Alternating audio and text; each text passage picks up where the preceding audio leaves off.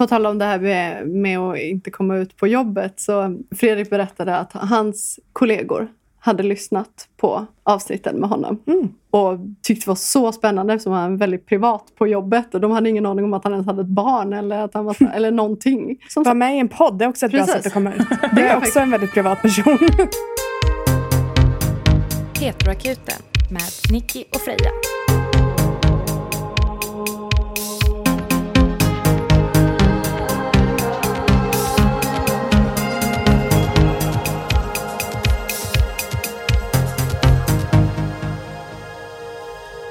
Det här är del två av avsnitt 59 med vår gäst Theresia som är aromantisk och asexuell. Om du inte har lyssnat på del ett så gör det först. Nu kommer en liten tillbakablick på vad vi pratade om i del ett i vanlig ordning helt taget ur sitt sammanhang.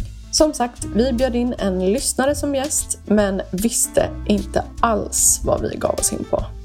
Välkommen Theresia. Jag är så glad att du är med. Och då ska vi berätta eh, anledningen till varför du är med Theresia. Vill du berätta om vad det är? Ja. Ja, berätta om dig själv. Aha, ehm, det har varit fel på mig. Just det. Som det brukar vara tyvärr. något bakomliggande.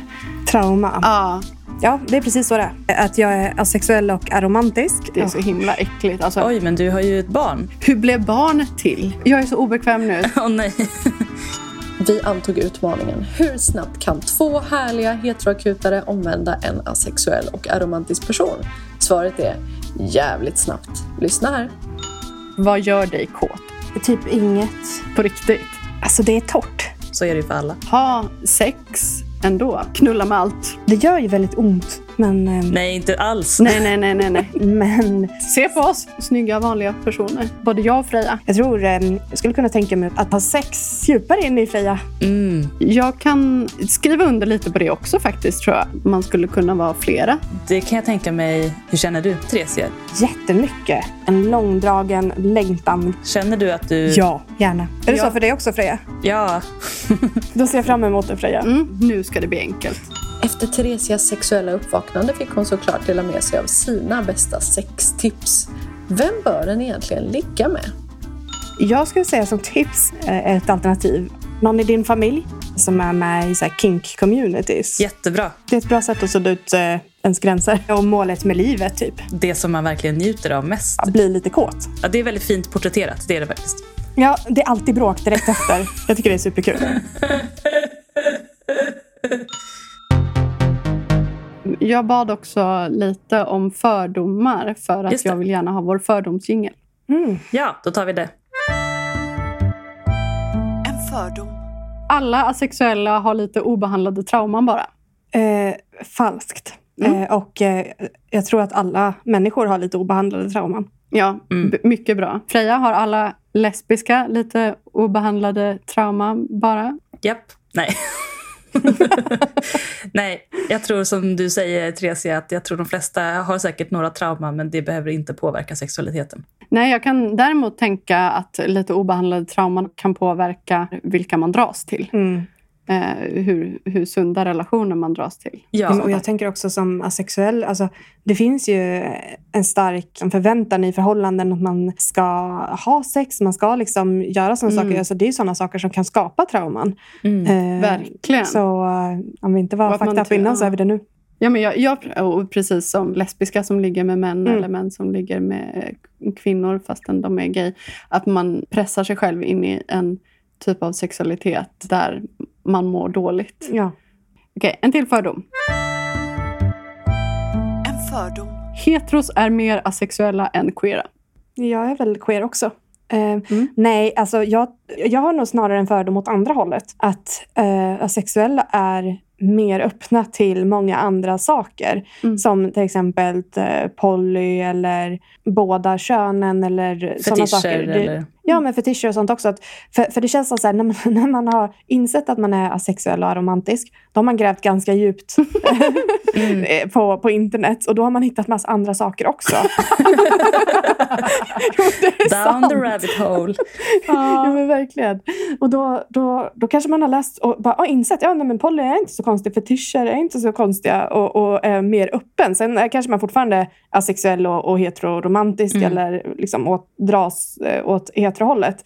Men jag ska säga att jag tror att vi är mycket mer öppna för olika saker än vad gemene heteroperson är. Mm. Mm. Man blir en del av en större familj, förstår man. liksom. Ja, verkligen. Mm. Det här är inte fördom, det här är, nu är vi inne på aromantikdelen här. Mm. Hur vet man att man är asexuell slash aromantisk och inte bara inte har träffat rätt person? Fattar att det typ är som att säga till en flata att hon inte har träffat rätt man, men jag undrar. Ja, det, var, det hade varit mitt svar annars om inte du hade skrivit det själv där. Mm. Ehm, men alltså, jag vet inte, kan man vara 100% säker?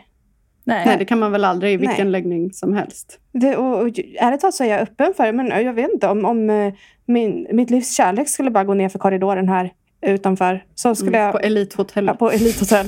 Då skulle jag vara öppen för det. Då får jag väl omvärdera. Men det här är liksom AJ i Backstreet Boys. AJ, ja. Usch, inte längre. Fifi Buffy kanske. Eller Paolo Nutini. Ja, i alla fall. Ja, men då kanske jag skulle omvärdera. Men det här är ju någonting som beskriver mina erfarenheter hittills. Mm. Eh, och hur jag känner liksom, nu, framåt. Sen om, ja, om jag behöver omvärdera så kommer jag göra det. Mm. Alltså, ingen vet ju någonsin vad som händer. Nej. Folk kallar ju sin partner för sitt livs kärlek Mm. eller soulmate. Och sen står man där, ja, jag suckar också. Eh, och sen så står man där efter några år, liksom sitter i familjerätten. Mm. Så jag menar, det, det kan gå så också. Ja, Man vet aldrig. Hur vet man att man är hetero? Ja, exakt. Ja, Jag tror att väldigt många låser sig i identiteter däremot. Att man eh, hittar ett sätt som man tycker matchar en Mm. väldigt bra när man är ung. Och sen så när man har kommit in i det communityt och känner att man är en självklar del av det så är Mm. man ganska ovillig att vara öppen för mer, även om det presenterar sig. Säg att jag lever som lesbisk i tio år och sen plötsligt träffar jag en man. Då är det nog många som inte kanske lyssnar på de känslorna för att de känner att det passar inte ihop med deras identitet. Och tyvärr så kanske de lämnar en chans att ha en fördjupad bra relation med någon för att de inte var öppna för det eh, rent identitetsmässigt. Och det är ju väldigt sorgligt. Så, Fast man förstår det ändå. Alltså det, det är också, man har så mycket att förlora, tänker jag. Mm. Om, om man har en identitet som är uppbyggd kring, eh, kanske inte att hela ens identitet är uppbyggd kring en sexualitet, men ändå en ganska stor del. Och mm. Man kanske be, befinner sig i kretsar och känner personer på grund av det här. Och sen att bryta sig ur det och säga så här, nej men nu är jag någonting annat. Då kan det ju bli så här, hur kommer, hur kommer de reagera? Kommer de tänka att jag har varit en imposter hela den här Ja. tiden? Att jag mm, mm. bara har låtsats och att jag inte egentligen är hemma här. Och jag, jag förstår rädslan i att, att det, det är mycket lättare att bara fortsätta som man har gjort. ja, ja, men också det här, den samhörigheten Mm. som blir inom en minoritet. Mm. Att man kan känna sig som en förrädare, Mm. även om man bara följer sitt hjärta. Men så kände jag verkligen när, när jag kom på att jag var sexuell och romantisk och bakgrund. Nu, nu är jag inte bi längre. Det kändes jättekonstigt att släppa den eh, beskrivningen. För att det hade varit jag och en så självklar del av mig Mm. under så lång tid. Och nu fick jag ju ta tillbaka den när jag insåg att man får ha flera. ja. Mm. Ja, men det tänker jag också är en grej. Att man behöver inte heller bryta. Man får vara lesbisk och träffa en kille. Man får välja precis hur man vill. Eh, Man kan ha flera sexualiteter. ja. Det Men är så otroligt att mycket man... är- gatekeeping inom det där kan jag säga. Ja, Hur menar du då? Ehm, I forum online där det säger ja, men då, är man, eh, då är man bi eller då är man pan, man, då är man inte lesbisk. Och om man låter personer som säger så vara lesbiska så urvattnar man vad lesbiskhet betyder. Och, Ja, men det låter ju som feminister som Mhm. säger att eh, Cissi Wallin som säger att eh, transmän är liksom kvinnor och att eh, ja, men transkvinnor eh, bara är män. mm, alltså- som vill komma in och våldta Ja, kvinnor ja jag tänker att lesbisk makt har ju till exempel en väldigt bred betydelse Mm. av vad lesbisk är för någonting. Det vill säga alla som identifierar sig som lesbiska eller känner sig lesbiska för stunden Mm. är välkomna och får kalla sig lesbiska. Jag tycker Mm. det är någonting man kan ta med överlag. Ja. Men det är svårt, för det är inte alla som tänker så. Alltså, även, om, även om vi sitter här och känner oss upplysta och tycker alla får välja och ändra sig hur mycket de vill, så förstår jag Ja. att vissa kanske... Alltså, eller jag vet i alla fall att det förekommer att många känner sig hotade av eh, liksom när förändring sker. Ja, men, och det är också många som inte tycker att vi eh, här hemma som, som asexuell och typ biromantisk, är man verkligen bi? Alltså, Mm. eh, Men jag vet inte, jag, jag, jag, ser, jag ser ingen anledning till att hålla på och, och gatekeepa och stänga Nej. sådär. Utan Nej. välkommen in om du tror att det här beskriver dig och sen om det inte gör det så gå vidare Ja. på din färd. Precis.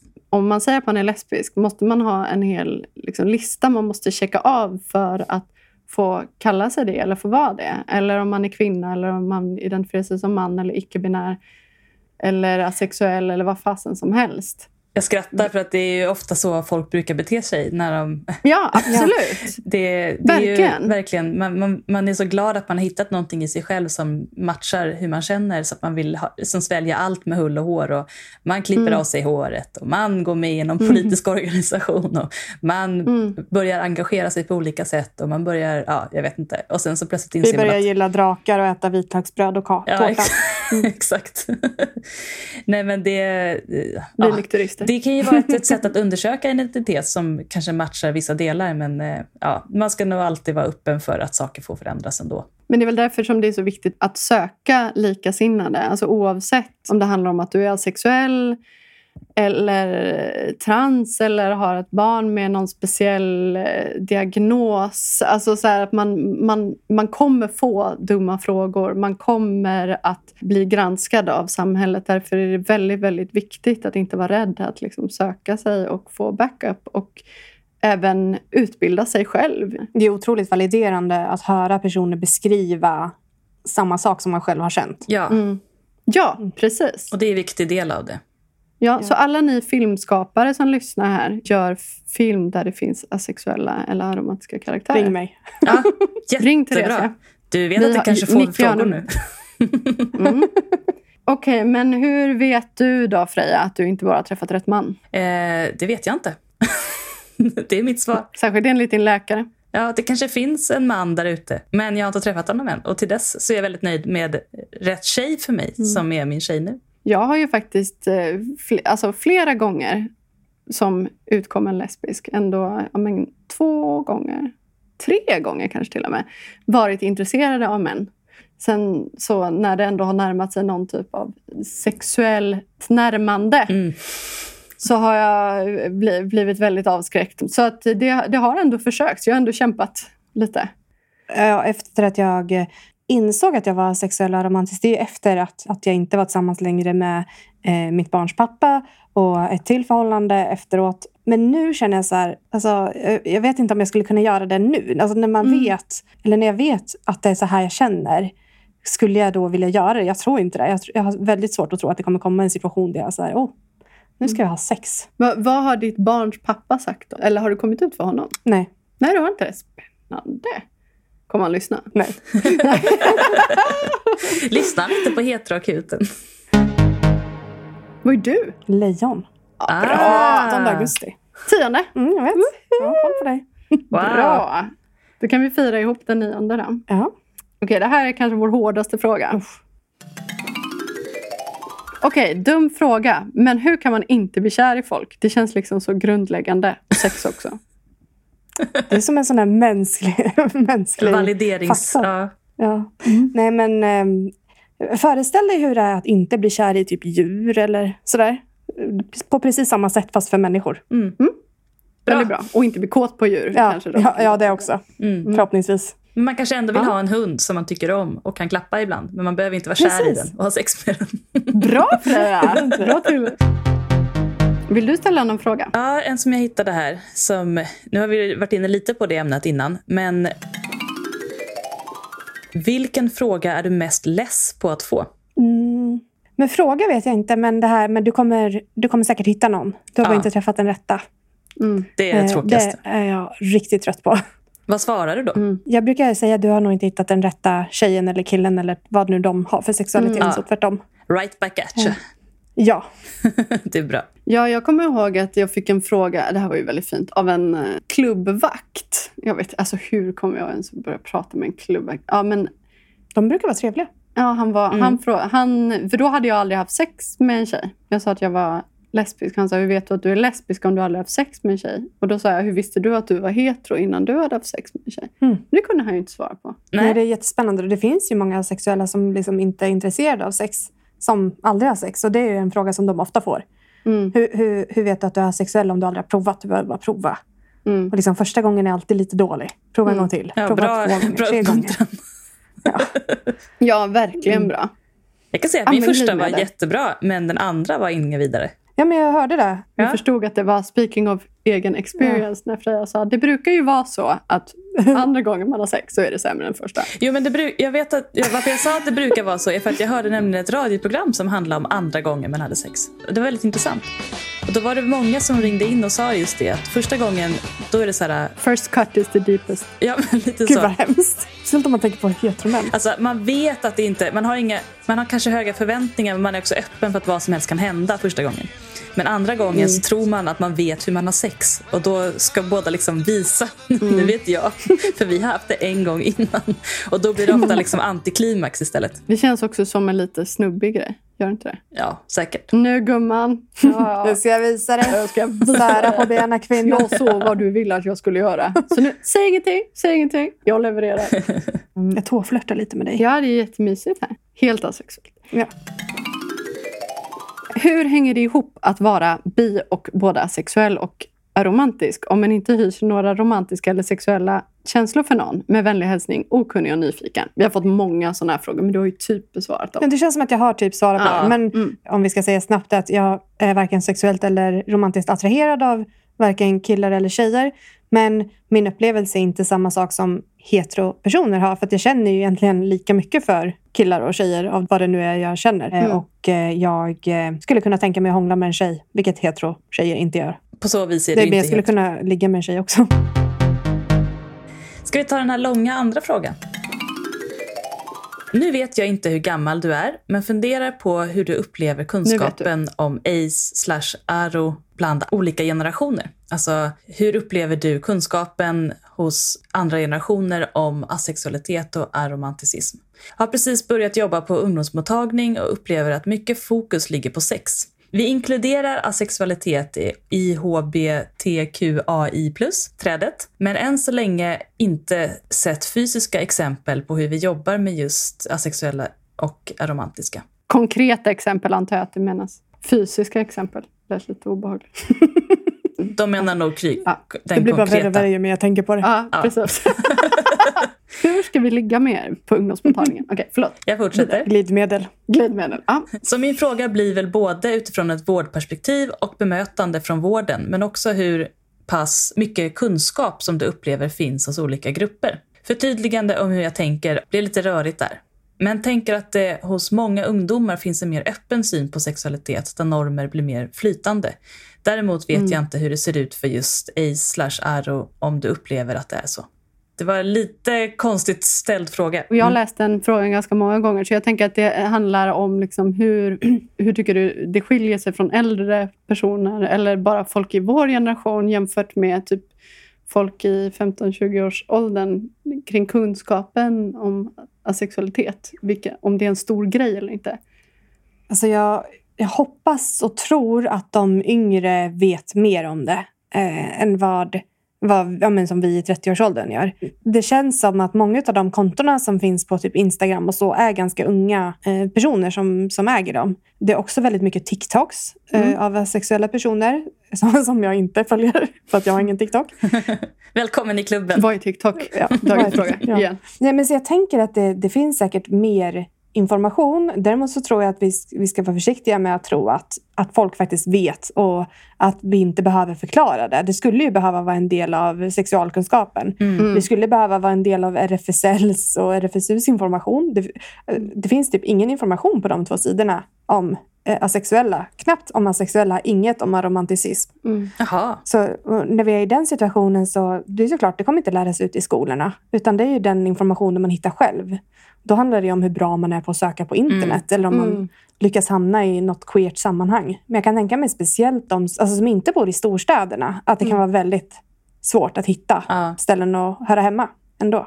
Mm. Men ja, absolut, jag tror att de yngre har mer kunskap om det. Jag har väldigt svårt att tro att någon 50-åring, eller vissa 50-åringar, men väldigt få 50-åringar vet vad det är. Mm. Men om man tänker då utifrån den här personens arbetsperspektiv, att om man ska prata, för det är ju jätteviktigt såklart att prata om sexualitet, men hur ska man kunna inkludera asexuella och aromantiska när man pratar om det? Vi sa ju lite samma sak med Fredrik, eller så här, hur kan man bemöta personer utifrån ett könsneutralt perspektiv, men utifrån ett sexneutralt perspektiv? Men jag tänker att det handlar om att belysa att det finns. Alltså, Mm. Tänder du på någon överhuvudtaget? Nu är det nog en ganska hård fråga att ställa till en 15-åring. Mm. Men, Utövar du sex och relationer? nej, men har, har du ett intresse för sex och relationer? Ehm, och att ha såna här små pamfletter, det brukar ju finnas Mm. så här, såna som de kan bara sno och stoppa ner i fickan och ta med sig hem. Ta, Ja. Ha såna med information om, om det. Och var kan man hitta det då? Bra information som är så lättillgänglig. Jag, jag tror man får göra själv och Mm. då fråga, prata med någon som är asexuell eller aromantisk. För jag tänker ju direkt RFSU och RFSL, alltså det är Mm. de som, men det finns inget där. Det är överraskande tycker jag. Jag är chockad Mm. när du säger det. Jag tänkte att det var en självklar källa. Jag är överraskad och besviken. Ja. Och jag har faktiskt skrivit till dem och frågat varför de inte har, har med det. Och då sa de att de bryr sig om de frågorna men att de har bara inte haft en motion i sin eh, klubb om att få med bokstaven A. Det finns ingen hos dem som driver de frågorna. Nej, antagligen. Mm. Mm. Jag tänker att det kan ju vara en idé för dig eller andra sexuella som lyssnar här att kontakta till exempel Ottar och säga så här, jag skulle vilja ställa upp på en intervju där jag pratar om asexualitet. Och, Förlåt, vad är det? Eh, Ottar är RFSUs eh, tidning, eller liksom medlemstidning som är svinbra. Mhm. Alltså otroligt queer. Och säkert att de hade blivit väldigt intresserade av att vara Mm. med i den. Jag provar att mejla dem sen då. Mm, Ja. får du göra. Vi går som ett korståg här genom landet, att sprida kunskap. Ja, jag tycker det är också väldigt spännande att, att det ändå finns sexualiteter eller liksom, som man inte vet någonting om. Alltså jag vet fan mer om nekrofili än om sexualitet. Säger kanske mer om mig. Men Jag tror de flesta gör det. Nej, jag tror faktiskt inte det. Tyvärr. Jag Nej. önskar att det sa mer om dig. Om man går tillbaka till frågan. Jag tror att det är vanligare med högre kunskapsnivå bland yngre idag. Jag har jobbat ganska mycket med ungdomar nu och tidigare. Eh, och det är liksom begrepp som har använts för att beskriva sig själv eller kompisar i förbifarten. Så jag tror att det finns en större medvetenhet. Hur skulle du definiera ditt känsloliv kopplat till någon du tycker om? Det är en intressant fråga. Eh, Någon jag tycker om bara rent i allmänhet eller någon Nej. jag tycker om som en speciell person? Ja, jag tänker att frågan handlar om liksom, om du har en typ av relation. Mm. Liksom, vad det är som skiljer sig. Eller vad det är som du tänker skulle vara specifikt för den relationen. Eller vad, vad som händer i dig. Inget. Inget. Okej. Men det kanske händer inte du har haft. eh, Nej, men jag har inte haft någon eh, relation efter att jag kom ut med det här och under tiden som jag haft eh, liksom, men som heterorelationer så har det ju bara varit jobbigt egentligen. Eller det har inte bara varit jobbigt. Nu säger, låter det illa för mina stackars ex. Men, Mm. men då har det ändå känts som att så här, okay, det, det är någonting som saknas hos mig. Och det har ju varit tungt. Men jag vet inte. Vi får Mm. se om det, om det händer i framtiden så kan jag återkomma och svara. Mm. Och om det är någon som lyssnar nu som lever i en asexuell eller aromantisk relation på något sätt får ni gärna kontakta oss och berätta hur ni tänker runt den frågan. Måste du vara ihop med andra asexuella? Har du varit ihop med någon som inte är eh, asexuell eller aromantisk och hur var det? Jag har inte varit ihop med någon som har varit asexuell eller aromantisk vad jag vet. Jag har ju ändå känt att jag har varit i relationen helhjärtat och gett allting vad jag kan ge. Men det har alltid känts som att det inte har varit tillräckligt för att göra den andra personen nöjd. Eller för att, jag menar inte att, att folk har mycket krav, men i en relation så vill man ju ändå att den andra personen också känner att den får ut det den vill av relationen. Och så har jag inte känt. Hur tror du de har känt? Eller vet du om hur de har känt? För jag tänker att jag har ändå haft en relation med en person som var asexuell. Och jag kände mig ju jätteäcklig liksom, i min sexualitet kring det. Och det var ju inte att och hon fick mig att känna mig... Alltså det är ju inte hennes fel på något Nej. sätt. Men det är ju just att man har så olika behov. Alltså man speglar sig själv väldigt mycket i personer man har en relation med och att därför så blev det ju som att min sexuella längtan som jag absolut inte levde ut med henne, ja, men att den kändes eh, onormal. Så att jag tror att vi båda kände oss väldigt otillräckliga. Mm. Jag förstår. Jag tror det har varit olika. Jag har varit tillsammans med personer som verkligen har visat att så här, okay, du borde tända på mig och vi borde ha sex mer och, och sådana saker. Men sen har jag också varit tillsammans med personer som har varit liksom, helt okej okay med att vi inte har haft så mycket sex eller ja, men att, att det har egentligen varit på mina villkor och som bara har velat ha mig för den jag är. Däremot så tror jag att där har det mer varit det romantiska som har tagit stopp. Att jag inte har känt att jag, okej, okay, fine, liksom sexbyten är okej. Okay, men jag vill jag inte har... titta dig djupt i ögonen. Precis så! Det är på riktigt det. Mm. Ja. men jag förstår den ja. grejen. Mm. För det kan man ju bara göra om man känner något. Alltså det är ju skittråkigt mm. att ligga och titta i någons ögon ja, som man inte usch. har ett romantiskt intresse av. Alltså mm. Det är ju en störd grej som mm. bara förälskade personer håller på med. Jag fattar inte vad ni håller på med. Det, Nej, men det är ju det. det är... Eller bara att vara så nära någon i ansiktet. Ja. Att liksom ha ansiktena mot varandra. Det är ju sjukt obehagligt. Ja, att vara i en relation som man har haft det och sen plötsligt så inser man att man inte längre vill göra det eller kan göra det. Det är, ja. ja. det är en obehaglig och stark insikt som jag tror många känner igen. Att när den söker ens blick liksom. Ja. Om man inte vill hålla man bara, kvar. Sluta stirra. Ja, ja. verkligen. Mm. Jag kollar på mobilen just nu. Mm. Nej, men, och, och, där har jag nog mer känt att eh, det har blivit ojämlikt i relationen. För att det blir som att jag har någon slags makt över en person som är väldigt kär i mig. Och sen så besvarar inte jag det. Då blir det som att varje smula jag ger är liksom... Ja. Det är en hemsk känsla. Mm. Um, mm. Från bådas håll, ja. tänker jag. Ja, nej, men det förstår jag verkligen. Och det där kan man ju känna åt båda hållen, även om man är allosexuell.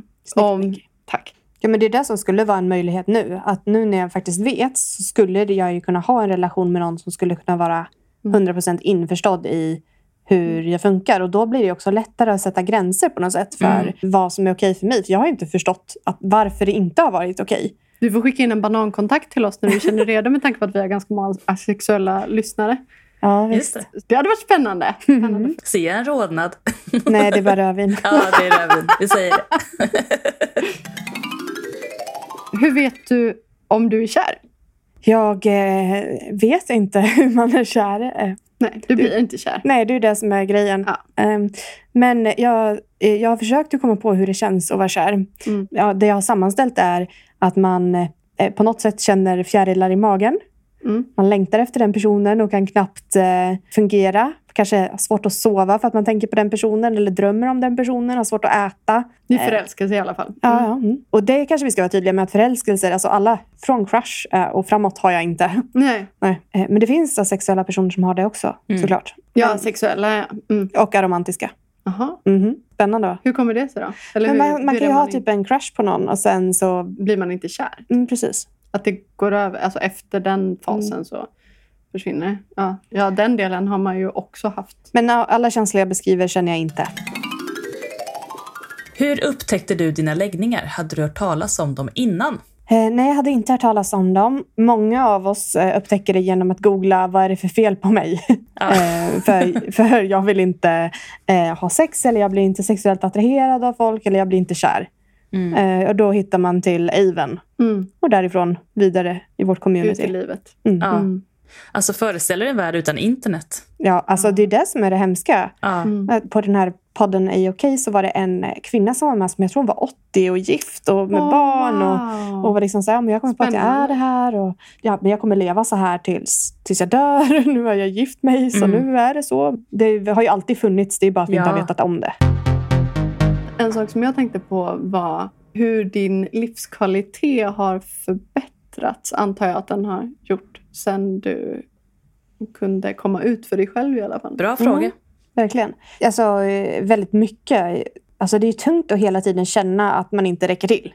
Mm, eh, mm. egentligen. Och jag har också kanske som Freja varit typ ganska seriemonogam innan. Mm. Så, men för det första, liksom, att vara singel och inte ha någon annan, eller nu har jag ju mm. någon annan att bry mig om, mitt barn, men, men att inte ha en vuxen människa och behöva ta hand om och, och bejaka dens känslor och så där, det är ändå någonting helt annat. Det öppnar upp för att jag ska kunna behålla mycket mer av min energi. Mm. Förut har jag ju verkligen varit tvungen att anstränga mig och ju mer man anstränger sig för att vara någon man inte är, desto mer energi tar det ju såklart. Ja. Jag, jag kommer att tänka på en grej, att just när man har ett barn, eh, eller liksom den relationen man utvecklar till ett barn, är ju en typ av väldigt stark kärlek. Alltså nästan som en, eller folk beskriver det som en förälskelsekänsla. Att man typ inte kan sluta titta på sitt barn och bara så här. För jag antar att du känner något sånt för ditt barn. Har du känt något liknande för en partner? Nej. Nej. Nej, alltså som när, när jag ska åka och hämta mitt barn från förskolan, då kan jag liksom bli så här! Typ så här, Mm. "Åh, nu ska jag åka hos, nu kommer jag träffa henne. När hon har Ja. varit hos sin pappa i några dagar och så bara, oh, nu, idag så ska jag träffa henne. Och det kan liksom vara när jag sitter och jobbar, så bara, just det, idag ska jag hämta henne. Ja. Vad härligt. Den känslan har jag inte med Nej. några partners på det sättet. Sen kan jag ju såklart ha, liksom, ah, men vad kul, vi ska träffas. Men det är ju på precis samma sätt som, som man har med typ en vän. Mm. Att, men vad kul, vi ska träffas, vi ska göra det här roliga, det har jag sett fram emot. Ja, men då vet du ju ungefär hur det känns. Alltså, det är väl den känslan som folk beskriver, att man är platoniskt kär i sina barn. Liksom. Mm. Alltså, även om det är såklart på ett helt annat sätt. Men ändå att det är den upprymdheten Mm. som man... Jo, men jag har tänkt på det om det är det som beskriver det. Men samtidigt så säger ju människor att kärleken till sina barn inte kan mätas. Alltså, eller att kärleken Nej, till en partner absolut. inte kan. Kanske, kanske inte den djupa Nej. kärleken, men själva den här... det Giddiness, fladd- ja. ja, precis. Det fladdriga. Mhm. Ja, bra, då har vi det bekräftat. Då har vi det bekräftat. Ja, jättebra. Har samhällets syn på din läggning påverkat din självkänsla? Ja, men den har ju absolut gjort det i mina förhållanden. För jag har ju verkligen känt mig dålig. Och, och som att jag inte har varit tillräcklig. Och det är ju om jag hade vetat från början eh, att jag hade den här sexuella läggningen så hade jag inte behövt känna mig på det sättet, tänker jag. Men nu känner jag inte att, åh nej, nu är jag det här, alltså nu är jag mindre värd i samhället eller så. Nu känns Mm. det mer skönt. Mm. Hur du som asexuell tänker och funderar kring sex, om det ändå finns en nyfikenhet från hennes sida om det som för många tydligen är livsviktigt. Jag har ju haft sex och jag är inte så nyfiken på det. Nej. Jag vet hur det är. Ehm, Har du haft sex med både män och kvinnor eller Ja. allt däremellan? Är inte allt däremellan tror jag. Inte så mycket Nej. någon icke-binär. Jag tror inte det. Men ehm, alltså, jag tycker det är jättetråkigt. Ja. Mm. Ja, men jag tänker att det finns eh, säkert asexuella som har liksom ett mål med sexet. Att, ja, men nu eh, ska jag på något sätt få njutning. Men jag har ju bara haft sex för att Mm. jag borde. Mm. Mm. Ja, då är det inte så kul kanske. Det, jag tror att många asexuella upplever säkert sex på väldigt många olika sätt då. Som du säger, att det kan vara tråkigt, det kan vara ändå kanske fylla någon sorts funktion ibland. Det kanske leder till någonting man vill, eller så är det rent av traumatiskt. Liksom. Så det, Mm. Mm. det är viktigt att veta att allas upplevelser är lika äkta, om man säger. Eftersom du säger att du har varit seriemonogam, hur har du upplevt uppbrotten? Upplever du att dina partners har tagit det hårdare än vad du har gjort? Eller liksom, det är klart att man kan sakna en person för någonting. Men har du upplevt hjärtesorg? Liksom? Eh, nej, inte, inte på det sättet. Alltså, jag trodde också att det var en lögn. Alltså att folk blev så krossade. För det tänker jag nästan är, för mig är det så här, det är någonting jag ändå alltid kan relatera till. Även om jag inte kan minnas hur det är ibland att ha en förälskelsekänsla. Så hjärtesorg, det, är, det sitter tydligt. Alltså. Intressant. Ja. Men och, med partners, alltså, det har ju varit olika. Jag har ju träffat partners som kanske inte har varit så känslomässigt Mm. tillgängliga också. De är ju lättare att vara tillsammans med. För att, jag vet inte, de har inte lika höga förväntningar på att man ska vara känslomässigt tillgänglig tillbaka. Nej. Alltså, Mm. De märker ju ofta inte att, att man inte är kär då. Men personer som faktiskt verkligen har varit kära i mig, som har varit öppna för att, att ha ett kärleksfullt förhållande. jag sa förut att liksom, jag bara behöver lukta på vin, men nu har jag ändå nästan druckit två glas. Ja, Så att det precis. känns... Ni kämpar på. Nej, men personer som ändå har velat ha ett kärleksfullt förhållande. Jag kan inte säga det. Det är många... Du är så, du är så aromantisk. Ja, att jag inte ska säga förhållande. Ja. En kärleksfull relation med mig. De har ju blivit väldigt ledsna. Mm. Och där blir jag typ lite så, jag, jag, jag har svårt att förstå och relatera. Och, och, jag jag tycker det är jättesvårt eftersom jag själv inte kan relatera till känslorna. Typ, Mm. Att, att, om de ringer, ska jag svara? Ska jag Mm. förklara? Ska vi prata? Eller Mm. liksom, är det bäst att jag håller mig borta? Eller vad ska jag göra? Det har jag haft jättemycket utmaningar med. Mm. Mm. Ja, men det förstår jag, för det måste ju liksom vara att man måste tänka att det känns svårt socialt. Att, så här, vad förväntas av mig Mm. i den här situationen? Vad ska man göra nu när någon känner så här? När, när är jag ett as? För man vill ju vara en bra person i relation till andra, men vissa saker känns inte naturliga heller då. Men har du liksom varit med om att folk skriver sms och så här, tår, tårdrypande Mm. sms och eh, längtar Ja. efter dig och att du inte har kunnat relatera till den känslan? ja. Jag har ju upplevt att när starka kärleksrelationer har tagit slut, inte på mitt initiativ, känns det ju som att någon jag älskar har dött. Och det har jag också, så jag vet den känslan. Den avgrundskänslan. Var Här. glad att vi har sluppit Ja, men, det. Alltså. alltså, jag känner Ja. det. Att det, är så här, och, och- det är så någonting jag det ofta är verkligen tänker. en svart känsla. Mm. Svart. För, för jag känner så här, åh, nu, eh, speciellt jag har några vänner som så här, kan bli kära så lätt och sen är det så fantastiskt och Mm. sen så bara poff. Och jag, jag har ju trott att de har fejkat. Eller liksom så här, Ja, sl- ja. Sluta vara så dramatiskt. Ja. Liksom. Mm. Men eh, alltså jag är bara jätteglad över att inte behöva känna det, Mm. ärligt talat. Har du känt svartsjuka? Nej, eh, det är också en sån sak som, som eh, var någonting jag borde ha insett tidigare. Man behöver ju verkligen inte känna svartsjuka. Nej. Men jag, Nej, nej. Nej, men jag har verkligen... Jag, alltså, grejen är att jag, kan inte, jag tänker ju inte att alla går omkring och ser på andra som potentiella partners eller sexuella varelser eller liksom går omkring Mm. och längtar efter någon på det sättet. Jag har jättesvårt att sätta mig in i att man skulle tänka så om någon Mm, människa. Eh, vare sig det är liksom en random människa eller typ en kollega eller någonting. mm. Eh, så jag har liksom inte varit svartsjuk och jag tror det är för att jag, jag kan inte förstå varför man skulle vilja. Det finns inte i din värld liksom bara Nej. att tänka så. Nej. Nej, verkligen inte. Har du träffat eller dejtat eller varit tillsammans med folk som har känt svartsjuka? Ja. Och det måste du ju ha haft väldigt svårt att relatera till. Som du sa i början av programmet att du inte förstår hur någon skulle kunna vra otrogen. Hur ska man frivilligt kunna...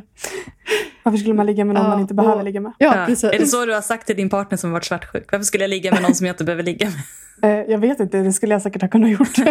eh, men eh, nej, det har varit svårt och det har också varit så här för att jag vill ju ändå respektera dem. Det har varit svårt att veta vart drar jag gränsen för liksom, att jag behöver få vara den jag är och att respektera deras känslor. Eftersom att jag inte kan relatera till dem så är det svårt att veta. Och där har jag säkert väldigt ofta eh, gått över mina egna gränser för att försöka vara... Till lags. Ja. Mm. Jag tänker att svartsjuka också kan te sig på så många sätt. Jag har, dels har jag väl själv vid några tillfällen, men också kanske främst att jag har haft partners som har varit svartsjuka på ja, men vänner. Mm.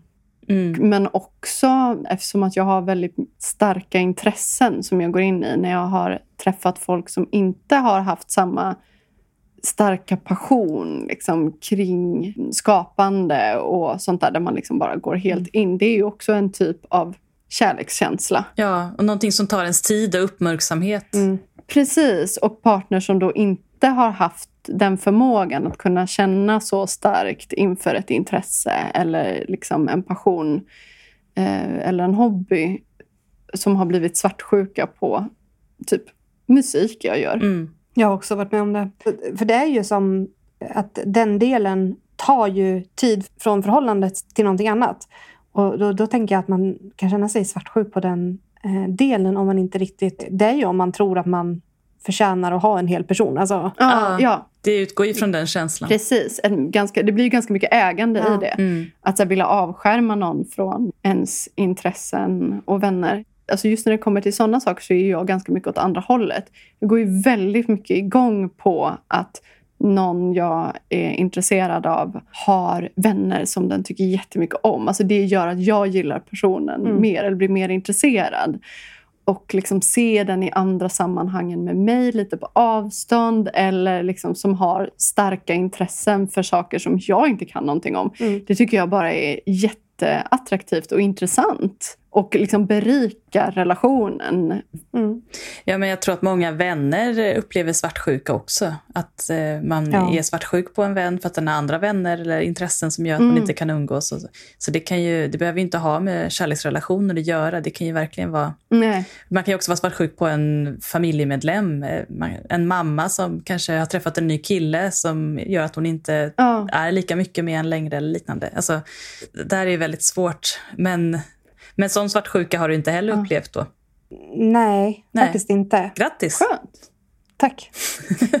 Okej, det här- alltså jag fattar att det här är helt andra saker. Men det är ändå spännande tycker jag. Har du intressen som är passioner? Eller liksom, kan du kanalisera passion någon annanstans i ditt liv? Alltså, jag skulle verkligen inte säga att jag är en passionerad person. Mm. Eh, alltså jag, skulle, jag skulle inte använda ordet passionerad för att beskriva mig själv. Ja. Eh, men jag tycker jättemycket om att, eh, att sy. Eh, Mm. Och Det är sådana saker som jag kan liksom sitta och göra i flera timmar utan att märka att tiden går. Mm. Det är väl en passion? Ja, fast alltså, passion känns liksom eldigt på något sätt. Jag tycker om det. Jag skulle inte säga att jag är passionerad. Nej. Nej. Eh, Men vad är det som händer då? Händerna gör saker så att hjärnan kan fladdra fritt. Mm. Man blir liksom eh, i lite meditativt tillstånd nästan. Ja, Mm. faktiskt. Mm. Mm. Och det var förstår jag, det är ju inte att vara passionerad. Ja, men när- när jag följer personer som är passionerade för att sy, då är de så här, åh, nu ska jag sy på paljetter och kolla, nu syr jag på det här. Men det är också jag gör så här." Instagram. Då skriver man ju sådana saker för att folk ska följa en. Vill Okej. jag bara säga. Okej, okej. Ja, men jag Eh, förstår vad du jag, menar. Jag kan Det säga att såna- jag har ju absolut en passion för musik. Men det är också ibland det sämsta jag vet. Men det, det är ändå någonting som jag känner att jag måste göra för att få utlopp för någonting i mig som är väldigt starkt. Jag känner inte att jag måste göra. Nej, okej. Så Nej. du kanaliserar inte känslor genom... Nej. Nej, okej. Då är jag med. det är bra. Mm. Bra Det förtydligande. var en bra beskrivning av passion. Det hade jag inte ens tänkt på. Att man kanaliserar känslor genom Mm. det man gör. Mm. Ja, men till exempel, jag har haft ganska svårt senaste, ja, mycket om det här senaste året, men alltså 2021 var verkligen ett mediokert år för mig på många sätt. Inte dåligt, det var bara väldigt lamt. Mm. Och jag har inte känt något behov av att göra musik nästan under hela året. Eh, Men det har liksom varit tidigare år att om, ja men, jag hade en vän som gick bort i suicid och då var det verkligen som att jag kanaliserade genom Mm. att göra musik under den perioden. Och att det verkligen var mitt sorgarbete men också liksom att jag fick ut allt fint i det på något sätt. Och Mm. Det var så jag bearbetade det och jag bearbetat otroligt många ja, men, relationer då genom det. Alltså både i förälskelsefasen och i uppbrottsfasen eller bara liksom väldigt starka känslor inför någonting. Mm. Ja. Jag skulle inte säga att jag är en känslomänniska heller. Nej, Men då är jag nyfiken, för du säger att du är lejon i solen. Vet du din ascendent och måne? Eh, skorpion, tror jag. nej. Jag Nej, men skorpion. det här flörta med lejonen, det, var- det är det värsta du kan göra med mig. Att göra som ni sa att man skulle göra. Usch. Ja, ja, men det förstår jag. Men eh, flörta inte med det här lejonet. Plåga det här lejonet. Plåga lejonet. följa de där Ja. tipsen. Om du någon gång hittar liksom ditt födelse, din födelsetid. Jag har skulle vi- tiden. Du har tiden? Ja, det är 23-23. Oj. Ja, det- är jättefint. Jag har 88 08 08 och sen 23 23. Vet du att jag var beräknad eh, 88 08 08? Mm. Min mamma kämpade som fan för, för det skulle vara tur Mm. att pressa ut någon det datumet. Men jag dröjde mig kvar till tionde. Illa. Mm, det var illa. Var du beräknad åttonde? Nej, senare tror jag. Nu skriver jag in här. Mm. Nu ska vi se om Freja kan säga något som stämmer. Ja, spännande. Hur flörtar man med en asexuell lejon? Men jag har tänkt på det också, eh, att det kanske inte bara har med sexualitet att göra, utan att att jag är lite introvert också. Det känns som att de här eh, grand gestures som extroverta lejon gillar kanske inte riktigt eh, Nej. översätts så bra till introverta lejon. Ja, du är en eh, diamantform. Åh! Wow! Ja, Mm. men bara det. Eh, att din... Eh, Men med frihetstörstande är de och älskar naturen. Luna hatar naturen. Är det sant? Ja, hon vill inte gå ut. Nej. Men Det är förmodligen för att Venus... du vill att hon ska gå ut. Du har månen i kräfta. Åh, kräfta. Det har jag också. Ascendent i tvilling faktiskt. Då känns det som att vi har använt olika sidor, för jag vet att det var skorpion där jag tittade. Mhm. Men vad spännande. Inte som champinjon. Inte som champinjon. Nej, skorpion. Älskar Skorp- hur lejonen börjar skorpion. bråka här om hur saker uttalas. Men eh, ärligt talat så har jag nog sagt skorpion i hela mitt liv. Så att jag Ja, känner mig oj. ändå väldigt eh, glad över att ha blivit rättad. Ja. Då står det Ja, att du ja. har måne i eh, kräfta och eh, ascendent i tvilling. Och att du Spännande. har Det säger ju säkert mer om mig än det jag hittade förut. Då. Kanske. Ja, jag tänker just det här du säger att du har varit ganska bra på att anpassa dig efter partners du har Mm. haft. Det är känns ju tvilling. väldigt så tvillingigt. Mm. Att man är väldigt two-faced. Liksom. Ja, för att as- eller ascendent är det du visar upp när du träffar nya människor. Mm. Yttre världen. Ja, Ascendenten precis. är utsidan på huset och månen är insidan på huset. Och solen är där, by- där huset är byggt. Jag ser jättemycket fram att höra folks reaktioner på det här avsnittet och eh, återkopplingar. För jag tror att det kommer många Mm. frågor och tankar och egna berättelser som jag ser fram emot att ta vidare. Just med tanke på att det är många som har haft de här tankarna, att det kommer komma många aha-upplevelser. Att folk har tänkt att men jag är ju inte helt asexuell. Jag har ju känt sexuella känslor. Eller jag har ju liksom, jag vill ju ha relationer eller liksom sådana saker. Det känns som att det är absolut i det avsnittet där jag har lärt mig mest tror jag med gäst. Ja, jag också faktiskt. Jätte... Tack. Mm, Jättestort helt- tack helt- till att du ville utbilda Ja. oss live här.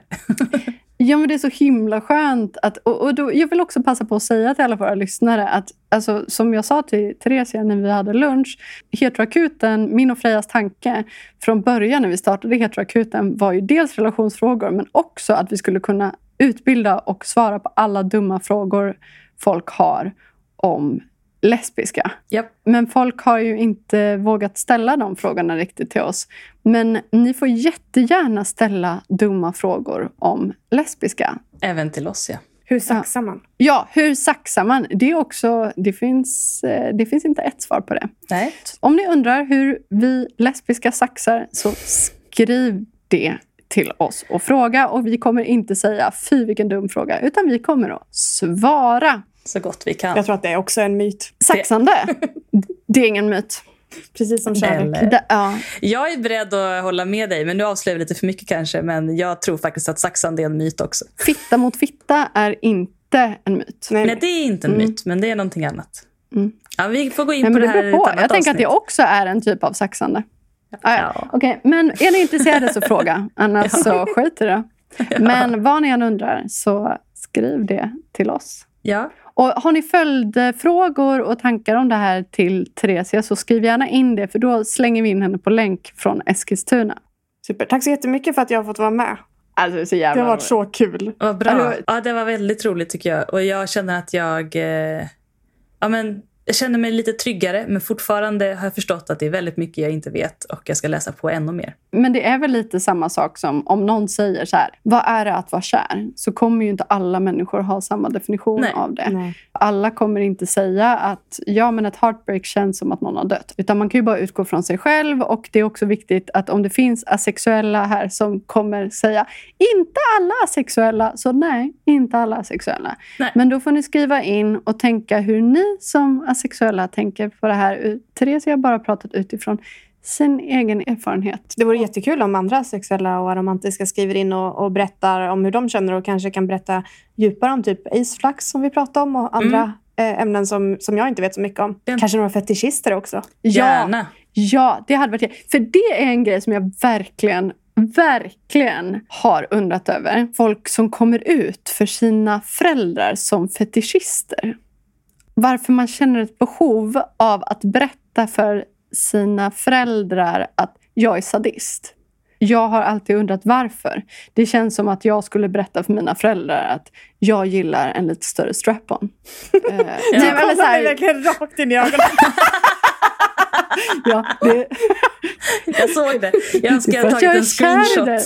Det var ett underbart Nu ögonblick. kom rodnaden! Nu kom Ja, nu rodnaden! rodnar jag på riktigt Freja. Ja. Men okej, jag fattar att det inte är Jag har exakt samma ingen med sak. mig Nicky. Men att, att bara behöva berätta, jag har det. Men, okej, eh, men att behöva Men att behöva berätta liksom, sådana detaljer, Ja. det är ju ändå verkligen ingenting som är i vardagslivet eller behöver definiera ens romantiska liv heller. Om det inte gör det. Det här är jättebra fråga. Det här känner vi att vi, det här är nästa stora svarta hål som vi inte har tittat ner i. Eh, så att det är väldigt bra. Varför måste ens föräldrar veta om det? Jag förstår verkligen inte. Vill de veta om det här? Det är många föräldrar som Nej. inte vill veta om att ens barn är homosexuella också. Nej. Precis, det jag tänker. Det, det är faktiskt samma saker som folk säger när så här, ja, men du får gärna vara homosexuell men jag vill inte veta om det. Jo, men om mina eh, föräldrar hade frågat mig ja, men hur det. har ni sex? Det hade jag absolut inte besvarat. Det hade känts otroligt övertramp. Jag vet att du hade gjort det, Freja. Jag tror vi ska strypa den här diskussionen och ta den i ett Ja. annat avsnitt. För att det, det gör är det. väldigt Men intressant. det var kul med någon det lämplig person som kan svara på sådana Ja, frågor. precis. precis. Innan vi går Men-.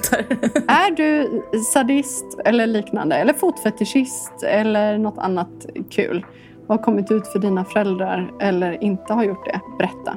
Ja, precis. Vad har ni för mm. mejladress? Heteroakuten snabelagmail.com. Finns en direktlänk i vår Instagram-profil. Ja. Och med det vill vi säga tusen tack till Tresia som var med idag. Vi hoppas att vi får prata med dig igen. Jag hoppas jag får prata med er igen. Det har varit superkul verkligen. Det har det så kul på din resa i Göteborg. Hej då!